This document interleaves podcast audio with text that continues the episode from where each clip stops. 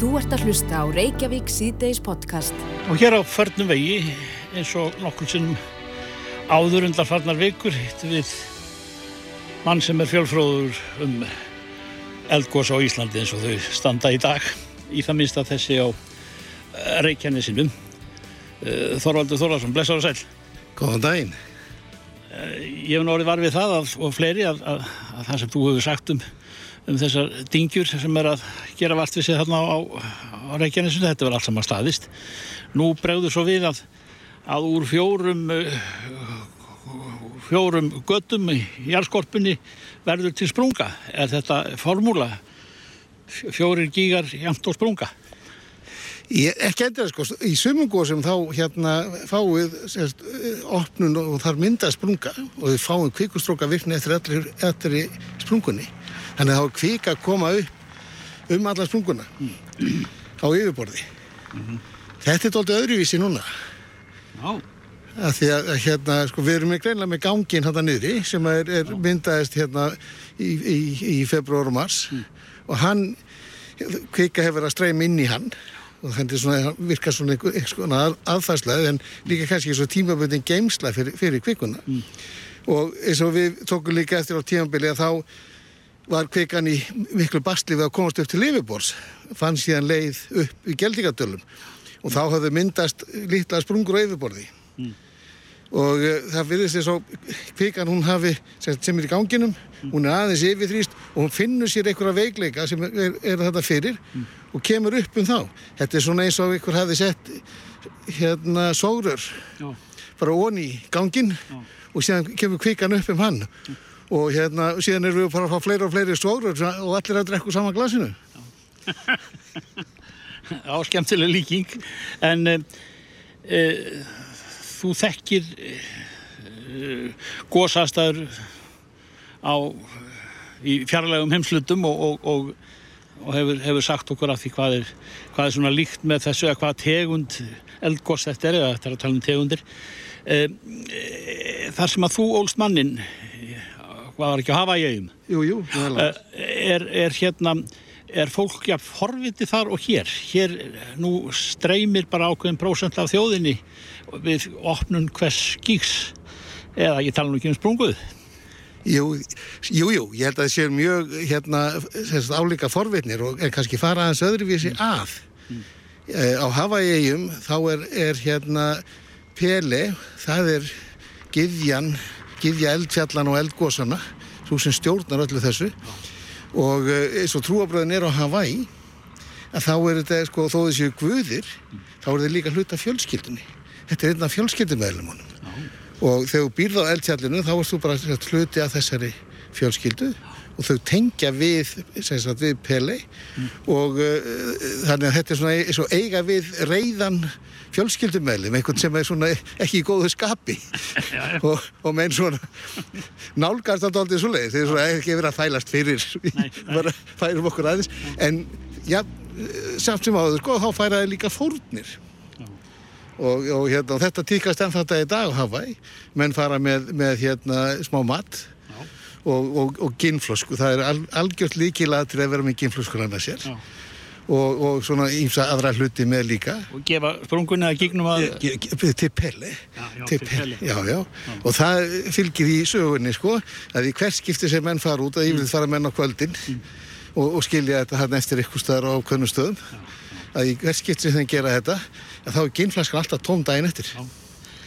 Ekki veit ég um guðina þarna á Reykjanesinu eða, eða ginnflaskur yfir heit í sambandi við gósið en, en, en mörgum finnst nú sko e, menn vera full sko Ha, sko, hvað segir maður kæruleysir um leiður ágengir þegar það kemur nýtt ný, ný hóla opnast eða nýtt gígur og ég tala ekki um helsprungað þá sækir fólk langað og, og, og það, það, það er, er ekkit óttastlega, það er alveg sama hvað, hvað oft er sagt sko að menn verið að gæta varúðar, fyrst og fremst guðvudnar e, og, og við talum ekki um hita, kvikunar og svona sem að ja, þarf ekki að, að gerða þetta einhvern veginn af, við, án þess að ganga á þennan rétt manna að fá að sjá gós í heimalandinu?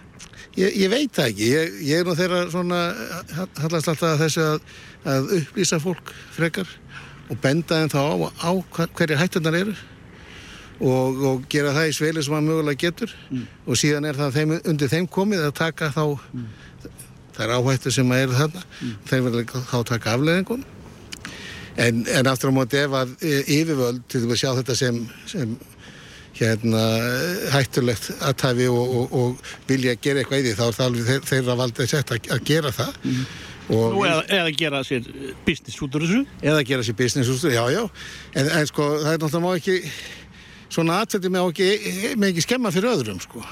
Það verði allir að fá að njóta þess að geta hosta á þetta eldgós og, og það væri mjög leiðilegt að, að til þess að finna að, að, að hérna, vegna einhvers kjánaskapar eða, eða glæfraskapar að þá fengi aðrir ekki að njóta hérna, fegururnar. Akkurat.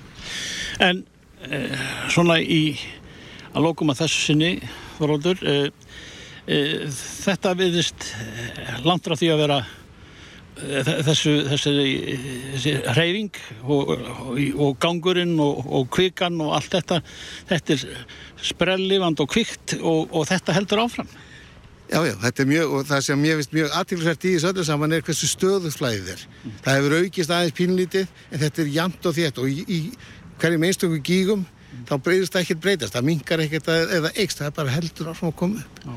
jamt og þétt. Og, og, og meðan svo er, þá vil ég þetta haldi bara áfram. Mm. Svona uh, ljúft mall. Já, það má eiginlega segja þetta, það er svona verið að hýta þetta er svo rétt, rétt velgjaði svo eldavílinni, þannig séð sko. Þannig að við mögum búast við þessari atbyrðar ás áfram. Ég gerir fastlega ráð fyrir því já og, og, og ég finnst þetta svona tilfinningi segja manna að þetta, þetta getur alveg langvind gós og erum við ekki bara öll mjög ána með það. Þorvaldur Þorvaldarsson, eldfella sérfræðingur, ég hef á tilfinninguna að ég sé ekki búin að eiga síðasta samtali við þig en, en kæra þakki fyrir spjallið. Það er takk fyrir mig og alltaf velkomin. Þú ert að hlusta á Reykjavík C-Days podcast. Reykjavík C-Days heldur áfram. Við heyrðum að því í dag að það eru tilslaganir í kortunum mm -hmm. og þetta er svona alltaf ákveðin ánægi stund held ég hjá fólki að vita að, að nú getum við farið í sund og í rættina og Já. með um fleiri koma saman. Þetta er langt þráð. Já, ég held að eins og við höfum nú rættum hérna síðustu dögum að það var komin svona uh, einhver óþreyja í fólk og svona ákveðin andstaða kannski við í allavega sömum kreðsum mm. við þessar sóttvarnaraðgerðir en, mm. en við allavega sjáum fram á að almennar fjöldatakmarkanir fara úr 10 í 20 mm. það verður hægt að hefja íþrótastarf, sund og helsurækt með takmarkunum og svo mætti lengi telja. Á línunni er Svandís Svagastóttir, helbiðis á þeirra, kom til sæl. Sælverði. Já, þú ákvæmst að fara í einu öllu eftir tilugu Þóróls að undan skildu einu atriði. Já, ég uh, gerði það sko og, og þetta er náttúrulega orðið þannig að við erum farin að tala þó nokkuð í takt. Ég held að þetta hafi verið sko við séum búin að setja á þessu tímabili 50 reglugerðir um innanlandsagerðir og, og 15 um aðgerðir á landamærum. Mm -hmm. Þannig að þetta er nú orðið svona taktur sem að bæði við sótunalæknir og, og þetta samfélagi allt þekkir orðið nokkuð vel. Um, en við erum að taka ákvarðanir núna eins og þið voru að tala um að, að hækka á 10-20 manns og að, að heimila á opna fyrir 50% af hamarsfjölda í sund og, og, og líkansrættastöðum. Mm -hmm. Og leifa íþróttaengur keppnir, það eru skíðasvæðin, eh, geta opna á sviðslistir og fleiri atriði sem við erum að bæta þarna við. Þetta er mjög svipað í raun og veru eins og aðgerðna sem að var, uh, sem að var ráðist í núna 13. Uh, januar að viðbættum þeim sem farið var í 4. februar. Þannig að þetta er svona, er, þannig að ekstra aðilar vonandi bara kannastu við sig í þessu umhverfi. Mm -hmm. En þú ákveður að flýta þessum eitt dag? Já, við... Þessu gildistökunni? Já, ég taldi rétt að gera það vegna þess að það er um að ræða ívilnandi aðgerðir sem að allir hlutaðegandi tekja mjög vel. Uh, þannig að mér fannst í sjálfu sér ekkit uh, sérstakt mæla með því að býða með, með gildistökuna. Mm -hmm. Hefur þú fengið viðbröð við þessu og, og kannski önnu spurning var, var einhugurinn og ríkistjórnarinn um að fara þessa leið en að gangi ekki lengra? Já, það var einhver um það og eh, ég hef svo sem ekki fengið með sérstök viðbröð við þessu önnur heldur en bara eh, góð og jákvæð sko.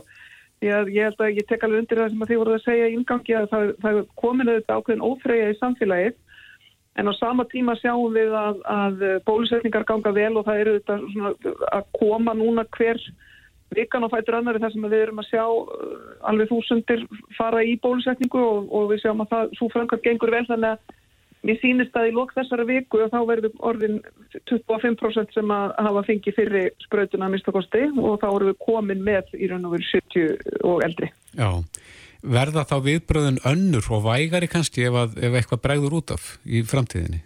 Já, sko, við náttúrulega, þetta er náttúrulega orðin bara ákveðin breyta sem að, sem að við erum með inn í jöfnunni, þar að segja hvar bólusetningarplönin uh, eru stött og og ef við erum núna komið 25% og, og einhvern tíma setna 50% eða, eða hvað það nú er þá þetta hefur það áhrif aðgerðnar en við vitum líka að það er alltaf þessi ófyrirsjávalegi, það, er, það eru alls konar stökkbreynt afbreyði og það er ímislegt annað sem getur gerst og, og, hérna, og þessi afbreyði sem við erum að klíma við núna eru skæðari hjá yngra fólki heldur en fyrri afbreyði sem við höfum verið að klíma við mm -hmm. Þannig að það er alltaf þessi fyrirvari um mat sótarnalagnis á, á stöðunni á hverjum tíma sko. Já, en það er orðið þekkt að, að þið lendu í smá vandraðum með landamærin, það sem að hér að stómu fjall þýr ekki í vil en e, þið ákvaða að tækla það ákveðin hátt heldur að það haldi?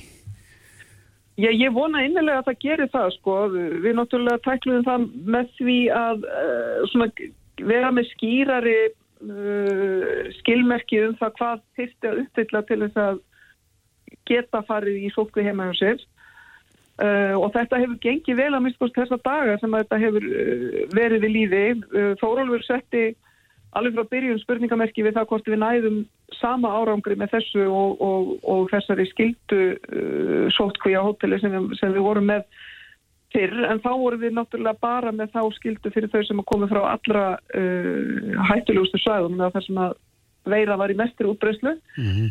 Núna er þetta í raun og veru öll áhættu svæði sem eru undir þegar að verið er að skoða hvort að fólk uh, geti uh, sint sótt hví hérna á sér að uppfylltum ákveðum skilunum. Þannig að þetta er svona, uh, má segja að sumuleit er þetta vægara og sumuleit er þetta hardara. Það er meira eftirlit sem við erum að leggja til. Að hvað leiti þá? Uh, er eftirliti meira? Já, það er, það er bara, sko, munverða á vegum uh, rækningateimisins fyrst og fremst og almanvarna mm -hmm. og það er um það að hafa samband við fólk, ringja í fólk og, og kanna uh, hvort að það sé heima, hvort að það sé í sótkví og svo framvegis og svona ganga eftir því að, að, að það sé verið að gera það sem til er rætlast. Akkurat. Svona bara út frá þeim reglum sem við höfum og lögum sem, að, sem að eru gildandi. Akkurat, í umræðinu að undanförnu hefur svona borið kannski á meira þeim hópi sem er, er ekki eins fylgjandi hörðum aðgerðum. Og það hefur líka verið umræðinu að það eru oft sko íslenskir ferðamenn, þeir sem búa hér sem að hafa verið að brjóta sóttkví. Hafið einhver mhm. áhyggjur af því að þetta, þetta sé að breyða meir úr sér þessu óanæga og, og þar afleðandi að fólk brjóti frekar sóttkví Mm, ég veit það ekki sko, ég var mjög ánað að sjá þessa könnun sem að var verið að byrta núna bara á allra sístu dögum uh, um svona það hversu fylgjandi fólk er aðgerðum og, og það er, við erum ennþá með uh, sko alveg 92-95% stuðning við það sem við, við erum að gera mm -hmm. og það er fólk svona að jafnaði uh, gerir á frekar aðtúasendi við er að það vil, vil, myndi vilja sjá harðar aðgerðis mm -hmm. á landafn Þannig að það er svona það sem við erum að sjá frekar heldur en að fólk vilji slaka en það meira á en það er eins og alltaf er í samfélagsumræðu það eru, það eru kannski uh, háværa rattir uh, endur spilur ekki endilega fjöldan mm -hmm. en ég held að þessi umræða bara sé eins og búast má við sko í samfélagi sem búin að, búin að vera í þessu stríði núna í, í bráðu fjórsta mánuði og, og hérna í raun og veru getur við freka vel við unna hérna á Íslandi svona með það sem gerist og gengur allt því að varðar umræðina í samfélaginu. Akkurat, en þessi heimsfaraldur er nú ekki það eina sem er á þinni könnu sem helbreyðs á þeirra og í gær lagðir þú fram uh, frumvörp í flertölu held ég meðal annars um breyting og lögum ávana og fíknefni varandi afglæpavæðingu á neyslusköndum. Já, sko það, ég nefnilega áttaði mikið á því þegar ég var búinn að mæla fyrir þessum þrömmum málum að þetta var nú tilturlega merkileg tímamótu en þess að ég var þannig að mæla fyrir síðustu málum mínum sem heilbriðsafræða þar að segja á mínu þingmála minni þingmálaskrá. Og, og hérna, ég glemt alveg að halda upp á það með sérstaklega látum en, en við vorum, ég var þetta að mæla fyrir þessum þreymum málum, já, aglabaðin beinstu skamta í fyrsta lagi og í öðru lagi frumvarp sem að fjallaði um uh, ræktun og framlegslu á yðnarhampi og svo í þriða lagi uh, frumvarp um, um nikotínpúða en mm. uh, það sem er kannski svona hvað ég segja uh, svona merkast af þessum frumvarpum er öruglega þetta um aglabaðingu næstu skamta, þetta er svona þetta er skref í áttina á að og í anda skadaminguna þannig að þetta er svona mál sem að þarf tölverða umræðu bæði í samfélaginu og á þinginu. Hvernig finnst þér, er stöðningur við þetta í þinginu? Eh, það er, sko, umræðan var freka góð í gær. Eh, við urðum vörfið eh, áhyggjur sérstaklega hjá þingmannum viðflokksins af þessu og, og margir töluðu mikilvægi þess að vera með skýra og öfluga líðhels og forvarnastefnu í, í samhengi við þetta en, en ég held að hugmyndafræðin sé þannig að, að allir vilja draga úr jáðasvetningu og fordómi í garð þessar einstaklingar sem að nota vínvefni uh, og, og skada mingun gæti svo orðið til þess að fleiri einstaklingar geta þá sótt sér viðjandi aðstóð til að takast á við, við fíknisjúkdóma og afleggingar þeirra sko þannig að við erum í raun og veru að tala um að í, í stað þess að, að refsa að, að uh, tryggja það að, að þjónusta standi uh, þessu fólki uh, til bóða eins og öllum öðrum mm. Er þá í leiðinni gert ráð fyrir því að, að þeir sem að flytja þessi efni inn og selja þau að þeir geta ekki hagnast á þessum breytingum? Já, það er gert ráð fyrir því. Sko, þarna er við í raun og veru bara að tala um sko, neyslu skamta einstaklinga, það sé, sé refsi laust um, að, að vera með skamt til eigin nota uh, en, en það sé eftir sem áður óheimilt að, að flytja inn og, og dreifa og selja og svo framvegist þannig, þannig að þetta er í raun og veru bara það að við erum að horfa til þess að, að þau sem nota vímuefnin að við notum að við, við meðhöndlum vanda þeirra í heilbriðiskerfinu frekar en í dómskerfinu. Já, þetta er eftir löst en, en eru þessi skamt að gera upptækir? Uh, það er gert ráð fyrir að þessi gerðu upptækir undir, fyrir þegar um að ræða börn undir 18 ára aldri en það er ekki gert ráð fyrir að neyslu skamtur sé gerðu upptækur, nei. En hvað telst neyslu skamtur eða hvað, hversu mikið magn uh, ávon á fíknefna telst sem sko, til eigin nota eins og framkjemur í frumvarpinu?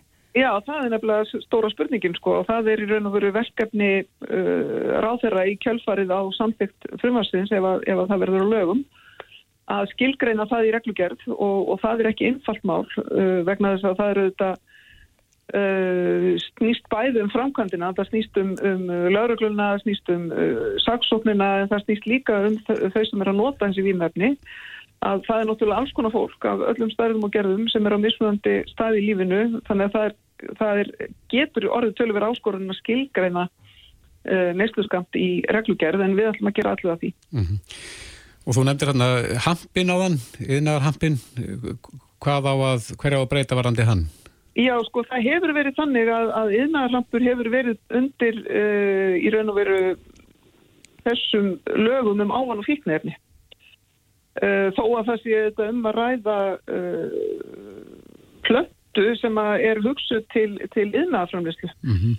Þannig að það sem við gerum þarna er það að, að við færum stjórnsýslu og verkefni í tegnslu við þetta málefni frá livjastofnun en það er ekki um lifaræða yfir til matalastofnunar uh, og til þess að uh, tryggja það að þetta sé bara á réttum stað í stjórnsýslinu en það er um, um sko yðnaðveruræða en ekki lif. Mm -hmm.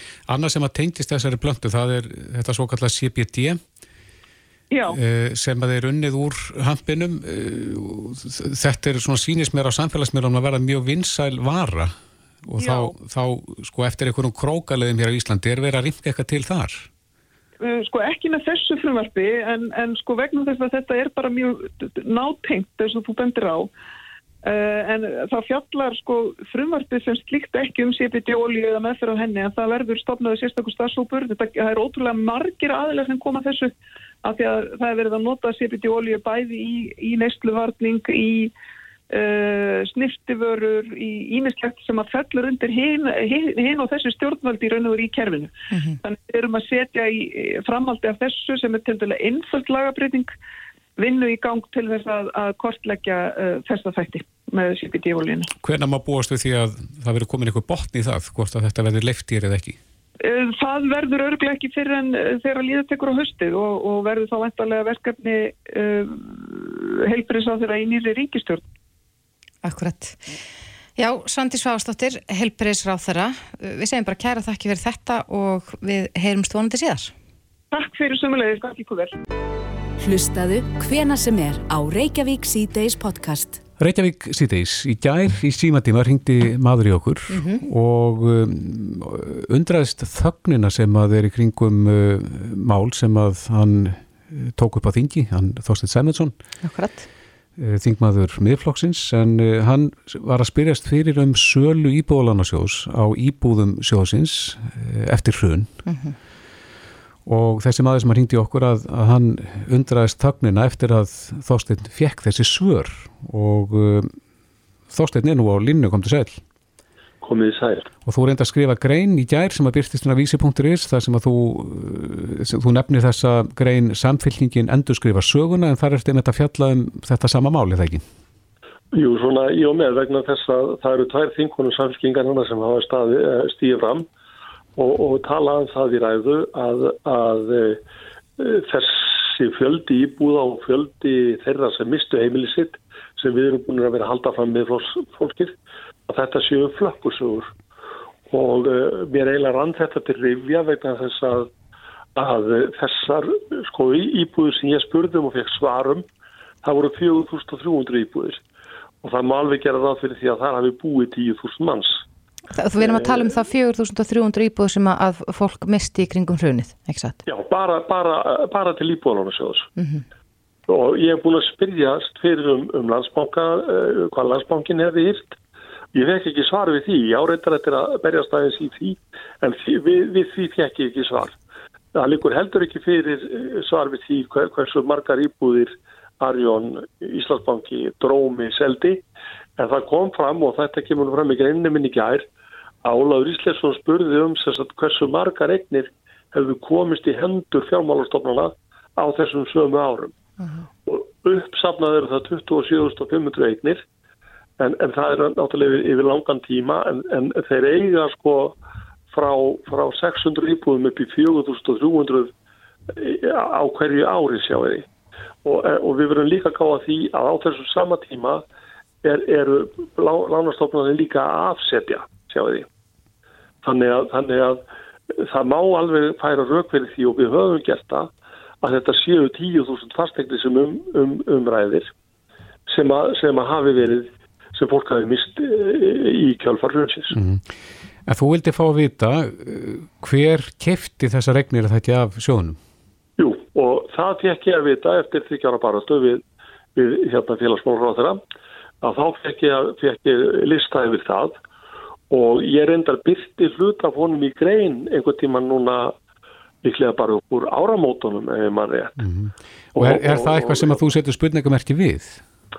Já sko, ég lagði ekkit út af því, ég bara listaði upp hverju það væru sem hefðu eignast þarna, það voru reyndar af þessum 4300 einhverjar 400 pluss eða maður rétt sem þar lágu undir.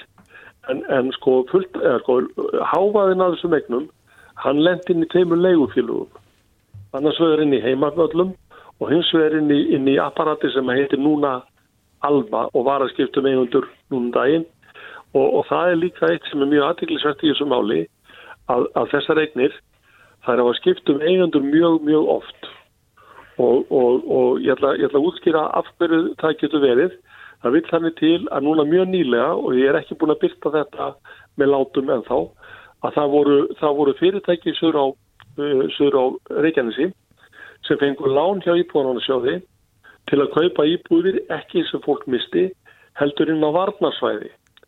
E, kaupverði var 1,4 miljardur á sínu tíma.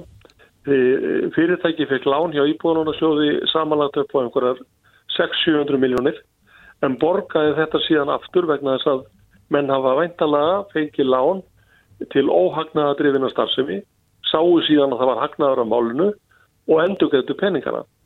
En á fyrsta ári sem þetta fyrirtæki starfaði, þá hækkaði matið á eignunum sem þið kæft á 1400 miljónir upp í 2,5 miljardar. Fjórum árum setna var efnaðarsreikningu þessa fyrirtæki svo þetta er að sjá bara hjá Ríkiskastjóra hann var raunin á milli 8 og 9 miljardar. Hvaða fyrirtæki var þetta? Það heitir Ásbrú EHF ef ég maður rétt. Og setur þú spurningamerki við, við framkvæmdina þegar við fengið þarna lán hjá sjónum til þessara kaupa? Já, það sem mér finnst aðdeklisvært er það að, að íbúðir sem eru 1400 miljónar veriði við, við kaup. Það er hoppað upp um, um miljard á fyrsta ári eftir að sá sem kaupir kaupir. Og eftir, eftir fjögur ár að þá er efnaðarsveitningu fyrirtækisins orðin fjórfaldur. Tæflega Já. og þá, þá lítur maður að spyrja e, voru þessar íbúðir alveg á spotprís eða voru þar endur nýja svona svakalega? Hvað gerðist? Og, og ég hef einhvern veginn þá trú og vissu og það byggi ég á því að ég er með upplýsingar um til dæmis íbúðu sem íbúðaránarsjóður seldi og söluverðið að ég veit það að þessar íbúður voru seldar á hrakverði og ég veit það að þessi fyrirtæki sem þarna ræðir þau hafa sér blásið út fyrir efnaðarsreiningur síðan þau keiftu þessar eignir. Er þetta haldaði fram að þetta hefur verið selt á undirverði af yfirlöður á því? Já, sko, það er alveg ljóst mál að til dæmis einni sölu sem ég hef með allar upplýsingar um þar sem eru 138 íbúður undir seldar árið 2016 á höfuborgarsvæðinu fyrir 1,7 miljardar og það eru, ef ég mann rétt að því er ekki mjög sleipur í höfðreiningi við minnir að það sé einhverstað 12-16 miljónir að meðaltali hver íbúð á höfuborgarsvæðinu árið 2016 og það eru að ymsum stærðum og gerðum það er allra á góðum stöðum sjáði út um alla borg og, og, og mjög góðum stöðum. En það er parað á þessu verði og við getum bara spurt okkur sjálf. Ég var reyndar ekki aktífur á fastegnumarkaði árið 2016 en, en maður getur spurt sig hvort það hafi yfirleitt verið hægt að fá íbúðir á höfuborgarsvæðinu stórar eða litlar fyrir allt og 12 miljónir stikkið árið 2016 mm -hmm. mér, mér er það mjög til efs Ætlar þú að kanna þetta mál frekar eða að beita þér frekar fyrir því að upplýsa um hvað var í gangi þarna 2016? Já, sko, upphanlega þegar ég fekk þessar upplýsingar og byrtiðar, þá var ég að vona að, að fjölmjölamenn myndu hlaupa til og vilja vita meira um þetta mál. Og þess vegna er ég mjög þakkláttur ykkur því að, því að, því að bæði segð, þið og bítið er það eiginlega einu fjölmjölafólkið sem hefur sínt þessum máli áhuga. En það þarf miklu meira, það þarf að fara onni í sölurnar, það þarf að fara onni í upphæðunar og það er dálítið, dálítið, hérna, dálítið hérna, tími sem það tekur. Og þess vegna vegna þess að uh, sko eitt svona flokkur sem meðflokkurinn er ekki með fullt af fólki í vinnu sem getur gert svona og, og, og við þingmenn erum nú að dundímislegt en við höfum verið að reyna eins og maður segir að svona grafa aðeins að, að, að svona að þessu og það var til dæmis gett að í þessari grein sem ég byrti núna til áramótin þar sem ég byrti það hverjir hefur verið eigendur e, þar sem þá hétt BK-eignir árið 2016 þegar að lungin af, af þeim íbúðum sem það fyrirtæki bjekk voru seldar á þessu verði sem ég var að lýsa fyrir ykkur á það. Mm -hmm. Einmitt, mér heyrist þessu máli hvergi vera nari lokið, svona með þessar upplýsingar, Þorstein Sæmundsson. Það er alveg hár rétt og, og eða bara mábæta við, sko, þá, þá er, það er svo margt sem við hefum eftir að, að, vinda ofan af það sem gerist eftir hrun. Við erum búin að, að skrásetja ágætlega það sem gerist til hrunni frá rannsóknarskyslu bankana og svo framvegis en þarna þurfum við að fá miklu miklu meiri upplýsingar og það er mjög undarlegt að fólk sem er að tala um gagsægi í öðru orðinu að það liggur á þessum upplýsingum eins og ormur og gulli sumtaði fyrir á bávi löð eins og félagsmálur á þetta gerði í þrjú ár er hann dró að, að veita þessar upplýsingar. En, en, en af einhverjum ástæðum að vilja menn ekki að þessar upplýsingar komið fram. En síðan er hinn, hinn, hinn endir á penningnum að, að, að þeir fjölmila sem að maður svona kelta myndu kannski hafa áhuga fyrir málunu og taka það lengra áfram að sá áhugi hefur bara látið á sig standa nema ég ykkur og ég er þakkláttu fyrir það. Þásteinn Sæmundsson, þýgmaður, kæra þakki fyrir þetta. Takk og kælaður sem við leiðis. Reykjavík síðdeis á bylginni. Jæja, Reykjavík síðdeis, við ætlum að þess að bregða okkur út í umferðina mm -hmm. en uh, það er grein sem að byrtist inn á vísi.is sem að byr titilinn Ólálegt eftirlit á Akranissi og þar er það Karl Rannar Sigursson sem er lokfræðingur og starfa sem ráðgjáfa sviði persónavendar sem að skrifar og er að tala um hraða eftirlit lögreglu. Já, hann segir hér að eftirliti á Akranesi farið fram með aðtiklisverðum hætti en að hvíti, hvítri bifrið af gerðinni Volkswagen Katti er lagt hér og þar um bæin, oftast ólögulega og í bifriðinni er myndavél sem tekur myndir af þeim sem aga á hratt. Já, þetta, þetta er bara þessi myndavél að bíl sem að margir kannast við og hafa lent í. En uh, hann, Karl Rannar, er á línu, kom til sæl. Sæl og blæsið. Já, hvað er ólulegt við þennan uh, hraða eftirlis myndavela bíl? Sko, það sem ég er kannski aðalega að, að velta þau. Hvort eftirlit með leind eins og þarna er við það sé í lægi. Mm -hmm. Og það er auðvitað þannig að þegar svona vöktun er annars vegar og þegar myndtekina þeir sem keira ofla að þá fellur slíkt undir persónavendalögin að því að þú ert að sjálfsögða að vinna persónuupplýsingar með svona myndatöku og almennt séð er það þannig að, að þeir sem vinna með persónuupplýsingar þurfu að upplýsa sem sagt um hvað þeir sem sagt ætlast fyrir með persónuupplýsingar. Það er vissulega ákveðnar undantekningar varðandi sagt þá sem sinna lögjæslu mm -hmm. og kannski ekki svona þessi almennu persónavendalög sem, sem hérna gilda, gilda en þau en hérna samt sem áður þá þarf að vera ákveðið gagsægi og það er kannski ákveðinu undantekningar stundum á því og kannski eins og ég nefni þarna líka í greininni að, að hérna að ef lauruglan þarf til dæmis að, að hérna uppræta skipulagða brotastarfsemi eða eitthvað slíkt að, að þá myndir náttúrulega ekki ganga að segja við viðkomandi að eða þá einstaklingar sem grunaður eru að það væri verið að hlera símana þeir myndu auðvitað grípa til annara rástafana. Mm. En hver er munurinn fyrir ekki að Karl á til dæmis að vera með bíl með myndavil þarna sem að festir Já. brotin á filmu eða vera með lauruglubíl með lauruglumönnum sem að eru við hraða eftirlit og eru með myndavilir í bílun sinum? Já, þá er þetta allavega kannski meðvitaður um það að það sé hérna, eftirlit með hraðakstur aukumann. En kannski ekki fyrir þú ert lentur í, ratarnum? Hvað segir þú? En kannski ekki fyrir þú ert lentur í ratarnum hjá lauruglubílun sem er hérna út í kanti? Já, akkurat, en, en, en þeim er mikilvæg er að hérna, lauruglan sé, sé sínileg og við tökum náttúrulega kannski eftir þessu þegar það eru eftirlitsmyndavelar, bara þegar það er í kvalfæragöngin eða eitthvað, að þá hérna, er merki sem stendur að það sé rafrænt eftirlit í göngunum mm -hmm. og eðlilega, ég minna þá, þá hægja aukumennu þetta á sér. En myndi það breyta ykkur, já, en myndi það breyta ykkur ef að þessir bílar sem eru þarna út í kanti, þú nefnir þarna að kvíta þarna bíl, ef að þeir væru mertir láruglunni, myndi það breyta stuðinni? Mm, ég, allavega bara það þarf að koma fram að, að, að það sé þarna eftirlit, hvort þeir eiga að vera mertir eða ekki, mhm. -huh. kannski skiptir ekki öllu en, en allavega þarf hérna, fólk kannski að vera, vera meðvitað. Um þegar, að lauruglubíl er lagt út í kanti og þeir geta Já. lagt bara hvað sem er, þá er þeir ekkert að tilkýna þannig sérstaklega fyrirfram á okkur um vegkabla. Nei, nei, en, en oftast kannski eru þeir svona frekar, frekar sínilegir og þegar maður er að keira í umferðin á mótnana þá ser maður oftar en ekki, ekki lörgluna sem er bara gott mál og auðvitað hægi allir, hægi allir á sér. Þannig að hérna, þetta lítur náttúrulega að snúast um það að hérna, tryggja, hérna, tryggja öryggi, sem sagt bara ökumanna og annara vegfærenda. Mm -hmm. Snýst... Ég meina, ef þú ert að vakta með leint, ég meina þá á hraðagsturins í stað hvort sem er og ég meina hvernig er þá verið að tryggja sem sagt öryggi ef fræðagstur er svo, svona hættilegur. En hefur þetta ekkert verið, sko, hefur þú heyrst að þetta sé, hafi verið skoðað innan lauruglan hvort að þetta sé, hvort að lauruglan sé sjálfa að brjóta lög til þess að fá aðra til að framfylgja lögum? Mér er nú ekki, ekki kunnund um það en ég ger nú fastlega ráð fyrir því að þeir telli þetta heimil, vist þeir eru að stunda þetta, þetta eftirlit. Já, en þú telur þetta að vera brot á lögum? Já, ég tel sem sagt að þau eru við að hérna að hérna, bæta þarna úr og, og, og hafa einhvers konar merkingar hvort um að lögurglubifrið eða, eða hérna, skildi eða eitthvað annað. En Þannig að þetta samrýmist þá, samrýmist þá persónavendar sjónamöðu.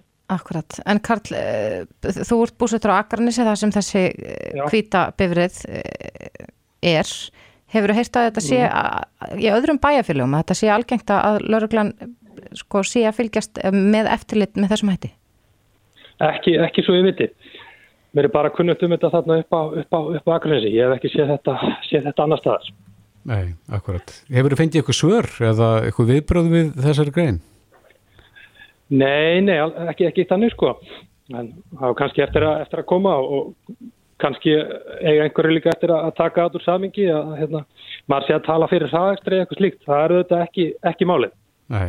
Og þú veist, ég til dæmis sjálfur það sem að þessari bifrið er oft, oft lagt. Hann er fyrir utan leikskólan hjá hérna, börnunum mínum Mm og það er þetta bara gott mál en ég tel að það væri meira örgi því að það væri kannski bara jafnvel myndavel þar sem myndi taka þá sem myndi kera á það og ef aðeinslega væri upplýstur um það, ég menna þá þá hérna myndi allir kera hægt verða hérna umferða lögin og ég menna engin hætta Nei. á okkur tjóni. Lendir þú í þessum bíl? Herru nei, blessunarlega þá hérna, það hefði slópið Já. en ég þekki, þekki nokkur að það á skaganum sem hafa sem hafa lendi í honum, sem er oftar en, oftar en einu sinni. Já. Þau láta sér það vonandi að kenningu verða og virða uh, hámarsaða. Já, aka hægar þá í framtíðinni. Já, ég minna það er auðvitað spurning, er þetta einhver almenn varnar áhrif eða, eða slíkt en ég held nú að mjög margir tengi við það að þeir hafa fengið, fengið sekt en Og finnst það fúlt. að það leiði nú ekki til já, það leiði nú kannski ekki til þess að þú fylgir hámarsraða í, í, í kvívetna, það sem eftir er Nei. þannig að það er spurning hversu, hversu já, Já, hversu já, langt þetta hérna hvaða markmið þetta þjónar akkurat. Karl Hrannar Sigursson, uh, ráðgjafi á sviði persónuvendar. Kæra þakki fyrir þetta. Já, takk sem leiðis Þetta er Reykjavík C-Days podcast. Jæja, Reykjavík síðdeis, það eru slæmar og góða fréttir sem að berast af bólusetningamálum. Við sjáum til næst fréttir frá Breitlandi, þeir eru þar kampakátir. Já, svo sannlega. En uh, fyrir dag þá, þá kom frétt uh, varðandi bóluefni Janssen í Evrópu já. en bandaríska livjafyrirtæki Johnson Johnson ákvaða að fresta dreifingu á Janssen bóluefni í Evrópu. Þetta er gert vegna þess að uh, það hafa komið upp tilfelli í bandaríkunum sem að, að það er ekki hægt að, að sko, gangur skuggum hvort það sé orsakatengsla milli bólusetninga með efninu og svo blóðtappa. Já, en það er frétt inn á vísi.is þar sem að uh, vísir náði Þóról Guðnason, sóttattalækni sem að segir að það veri beðið með bólusetningar með þessu bóluefni Janssen. Mm Þar til betri upplýsingar lítja fyrir um mögulegar aukaverkanir.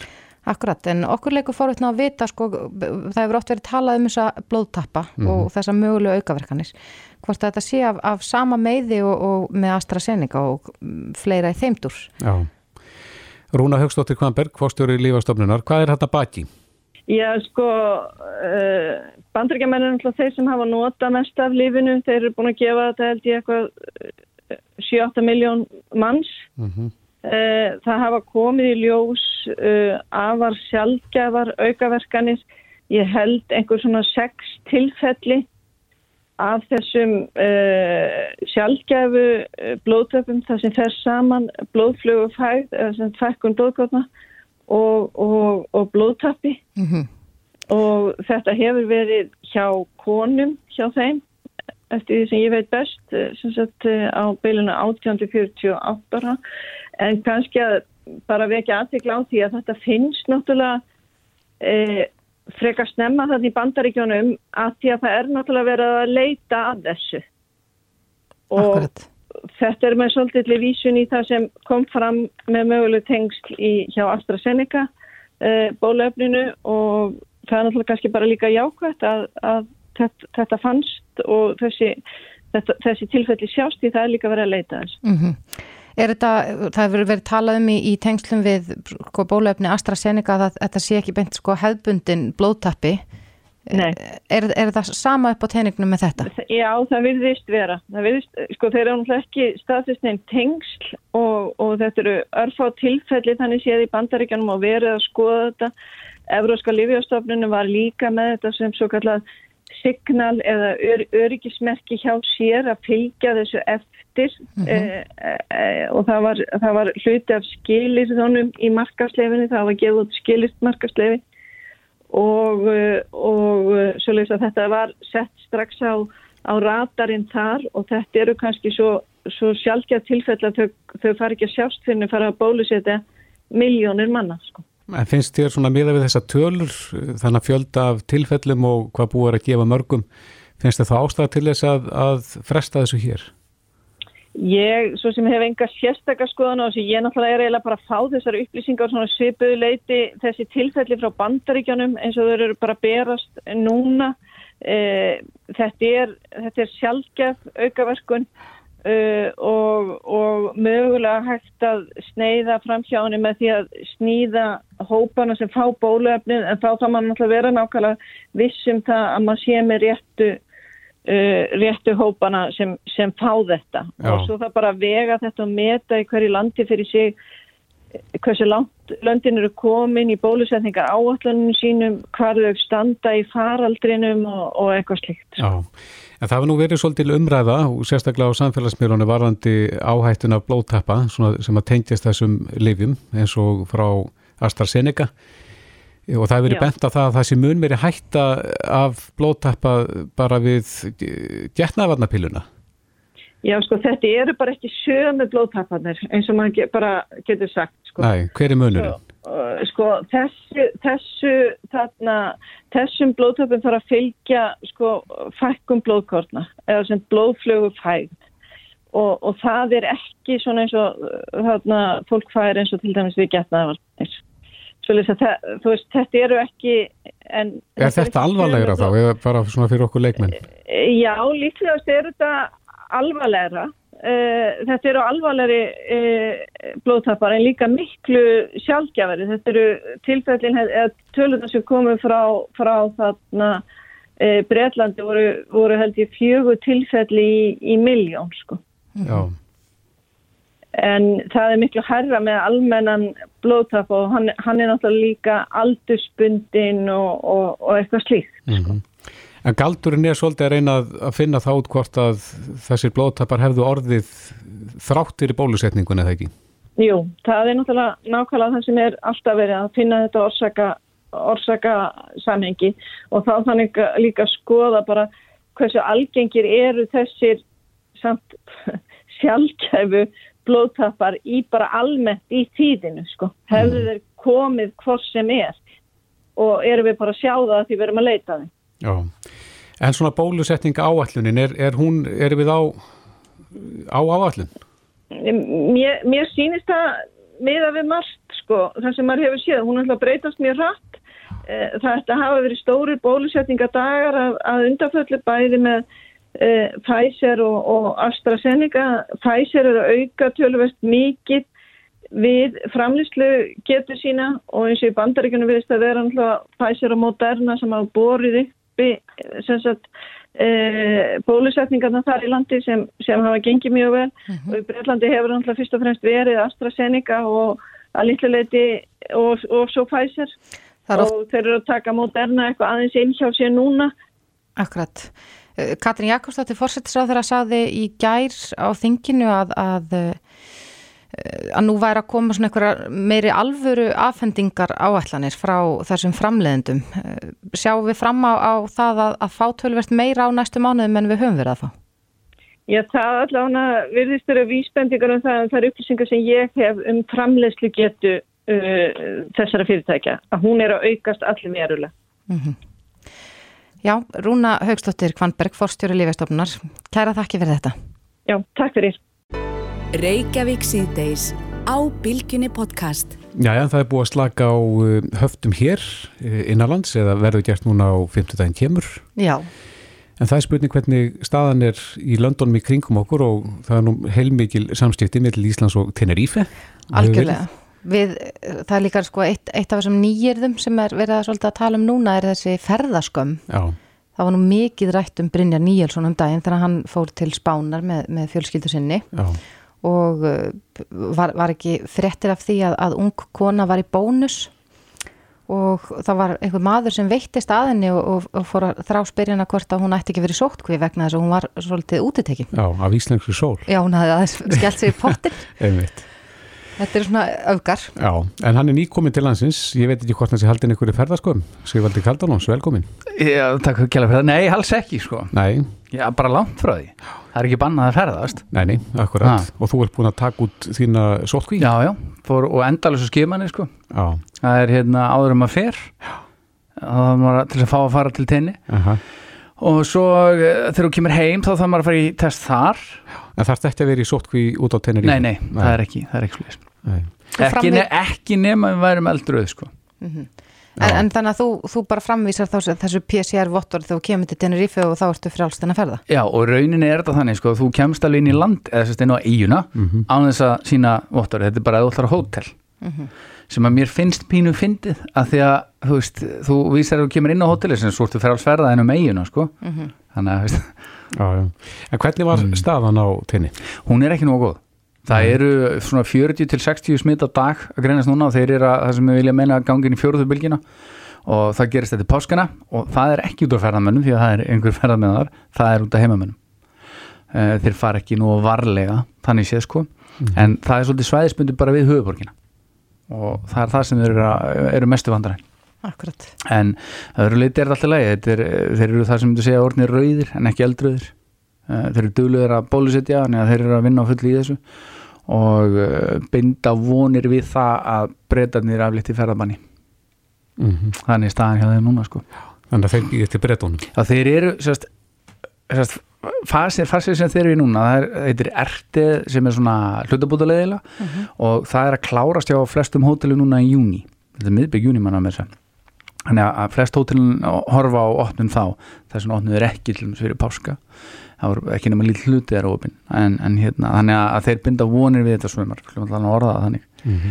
En uh, ég held að sé engin ástæð fyrir fólk að upplifa einhverja ferða skömm, þú þarft jafn mikið að passa þig þar og hér alveg það sama, það gildir einu.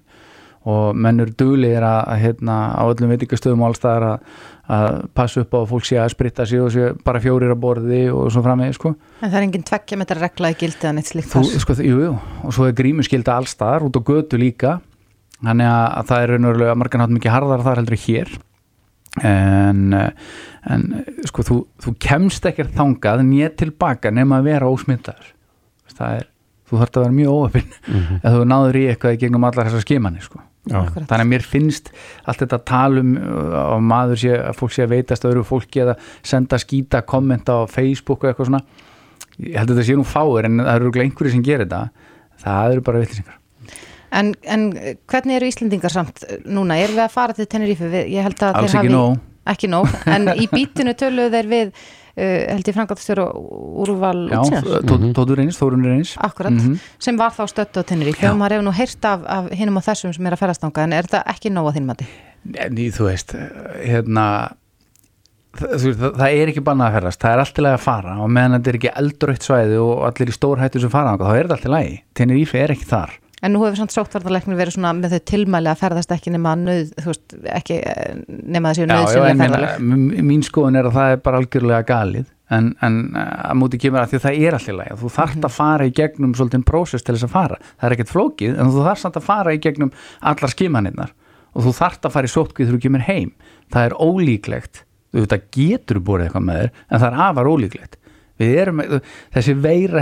ekkert útrýmt, svona 1, 2, 3 ég held að viti það allir. Og bara spurning hversu oft við förum í bólusetningu á næsta árum, skilur Akkurat. þannig að maður bara einhvern veginn horfir á þetta þannig að mér, mér finnst þú veist, ég, ég get alveg skilið ef að, er, ef að staðan er þannig að það er katastrófa og allt lokað, eðlulega ertu ekki að fara þangað. En ef að það er ekki staðan á viðkomandi svæði þá skiptir þetta bara ekki máli. Þá þarftu bara jafn mikið að byrja ábyrðaði þar og hér. Eru margir að mæta heim með far eftir grímuna og sólinni? Nei, þú mátt taka næður stópaði en það er alveg þannig sko, þú, að hafa þetta á götu, þú laði bara milli og svona, Já. pínu leðilegt maður venst í samt rætt, en síðan þú veist, þú kemur á ströndina og ert í sundleginu þá máttu náttúrulega taka að þér og, Mm. En það er grímuskylda bara allstaðar, úti, úti já, við á alls, já, bara alls staðar. Þeir taka annan pól í hæðina með það, það er En, sko. en eru, eru sko heimamenn bjart sínir á að sumarið muni, að muni rætast úr því svona eh, hvað ferðamanna að vera við erum átt okkur að því að, að, að ég fór á hérna því að nú er ég með fyrirtæki úti en ég er kannski ekki alveg hlutlaus. Ég segi að mér finnist galið að fólk fari ekki en er bara því að það er ekki eins flóki og menn halda og það er ekki bannað. Að, að það er að ég er sérst hefur verið að vinna með endurskóðandum hann úti og við erum bara svona að laga til í okkar, okkar viðskiptum. Og þeir sérst þegar við vorum hann úti núna að ræða máli við þá og þá er bara mjög einföld stað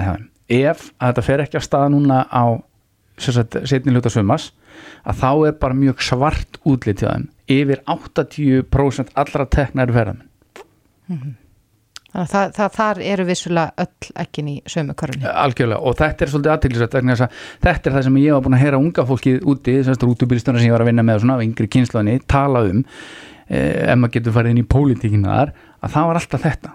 Það eru öll ekkin í sömu körunni en það er ekki verið að vinna í neittni nýsköpun skilur, Mhm. og það er það sem eiginskeikin hafa mestar ágjörf Já. að þú sagðir svalega að staðan var ekki góð. Hvað svo er 40-50 smita Þetta er dag? svona 40, þetta er rokka frá svona 40 til 60, þetta fer upp og svo fer þetta niður. Þetta er svona, ég er í smá bylgjum sko. en er munur á norður og suðursvæðin mjög mikill. Það er yfir 85% allra smitari fyrir norðan Já, í höfuborgin Já, þetta er svo spundið Santa Cruz, La Laguna og Puerto de la Cruz.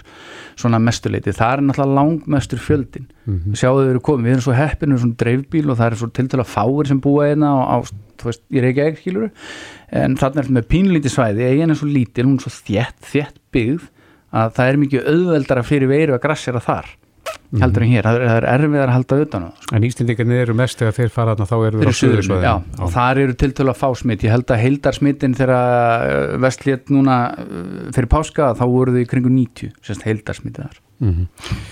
Svali, Sigvaldi Kaldanós, takk fyrir það var minna Reykjavík síðdeis á Bilginni podcast. Reykjavík síðdeis heldur áfram. Ég, það er oft talað um það að hraðinn í samfélaginu Mhm. Er tölvert meiri núna en, en kannski fyrir 20 árum síðan.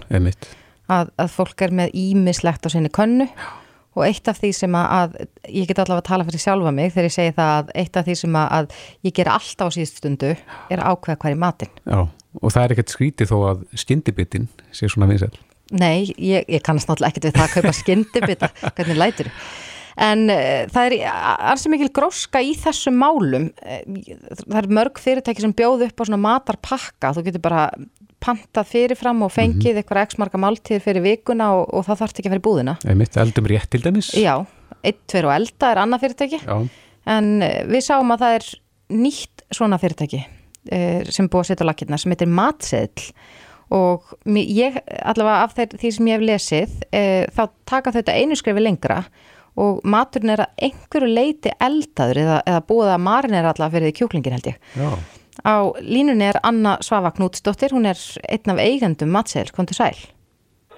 Hæ, hæ, komið sæl. Erum við ekki að fara með rétt mála þegar þið eruð að taka þetta skrefinu lengra til þess að aðstofa Jú.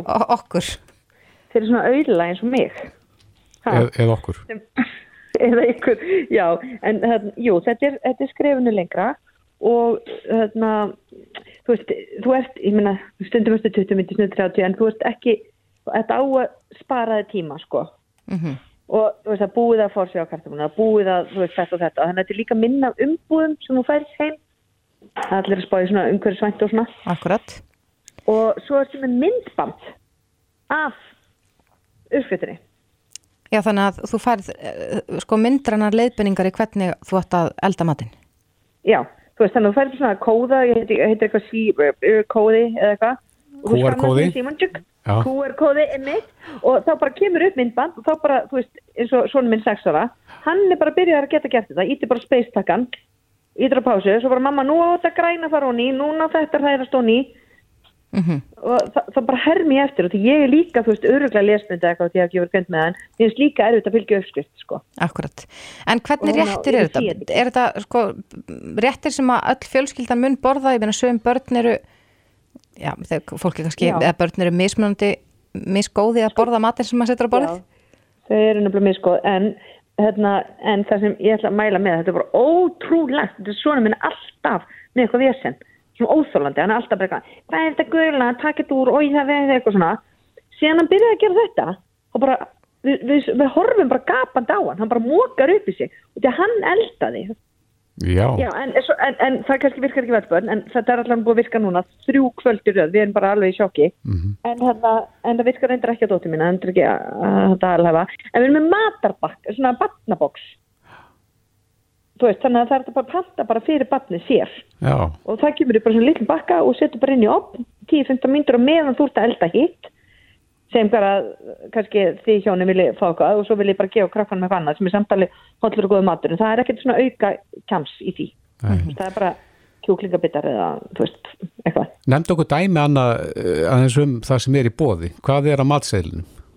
oh my god. Ok, ég skal hann muna. Í gær væri til dæmis að borða fiskisúpu. Var með svona böku bröðbólum með. Og svo er hérna bara oh god, nú er ég farin að heima svo erum við alltaf að breyta sko. Lasagna uh, svona hvað er þetta svona burrito uh, kjúklinga pesto og svo er eitt svona sítrónu pesto sem er útlæg gott líka. Og já, bara fullt bara fullt í bóði, sko, svo er líka pa, fullt paprika, hún er óslega góð. Mm -hmm. pattar hann bara enginn sem ég skil ekki. Þetta, haldi allir að sé svona hlýðaréttur það sé svona lítið, en það er alveg bara mjög mikið. En hvernig virkar þetta annars? Er þetta fyrirfram ákveðið einhver pakki sem þú kaupir fyrir þá vikuna eða velur réttina Nei, í eða hvernig er þetta? já, þú getur, þú velur bara, þú getur bara þú veist, valið. Bara, bara það sem vil, hvort þú vilja fá þri, þrjá, fyrir þrjá daga eða fjóra daga eða fyrir hvað marga og svona. Og svo erum við reynda með, þú veist, kass hérna, svona matseil vikunum, það er bara búið að velja fyrir þig og þú nennir því ekki. Mm -hmm. en, en, þú veist, en þú getur bara valið sjálfur. Og svo er sko, og þegar við vorum náttúrulega byggja, þetta er bara þriðja vikun okkar. Þannig að, þú veist, við erum með mjög stóra drauma samt, sko, okkur langar með vínsel og svona og túlipanna og alls konar. En, hérna, sko, draumurinn er að þú getur bara pa- panta, já, heyrðu, við, í að allar fjölskyldur eru mismöndi, þú ert kannski ekki með börn eina viku eða á mánudaginn erum við bara tvö, heyrðu, svo er ég með heimaklúb og um 12 hérna á miðvikudaginn til að panta 12 manna lasagna eða eitthvað og svo eru við bara fjögur á föstudaginn, eða að þú getur, sko, panta svona mismöndi, en við erum bara vorum að byrja, þannig að við ráðum ekki alveg við það núna, Akkurat. en það verður bráðum. En eh, eins og við sögum einn aðan þá eru nú fleiri fyrirtæki svona í sveipuðum bransa. Eh, Er mikil þarna, samkeppni á þessu markaði? Ég, sko, þetta er vika þrjú. Uh, ég bara var að detta inn með honum marka, sko. Ég, sko, ég veit það bara, ég hef bara oft nýtt mér þessa þjónustu hjá uh, hinn fyrirtækjanum Mhm. og finnst það bara geggjað og það er bara gott að hafa val. Skilur? Akkurat. Þú veist, það er bara gott, ég meina alveg svo að ég á ísbúð, skilur, en ég fer alveg oft í Vesturbaris. Mhm. Að, veist, Máttu segja það í útvarpi? Já, já, já, með þeiting það er að gegja. Þú veist, þannig að ég held að þetta muni bara hjálpa hvort öðru, sko. Maður kannski pantar þarna eina vikuna og þarna, veist, þannig að þetta er, náttúrulega- er, er ekki alveg eins, sko. Nei. Annars var Knústóttir, þetta hljómar spennandi. Þú ert eigandi matseðil, svo náttúrulega leikona eins og við þekkjum. En Mhm. hérna, kæra þætti verið spjalli og gangi ykkur vel með þetta. Takk fyrir, gaman að heyri ykkur. Sömulegis, bless, bless. Bless. Þetta er Reykjavík C-Days podcast.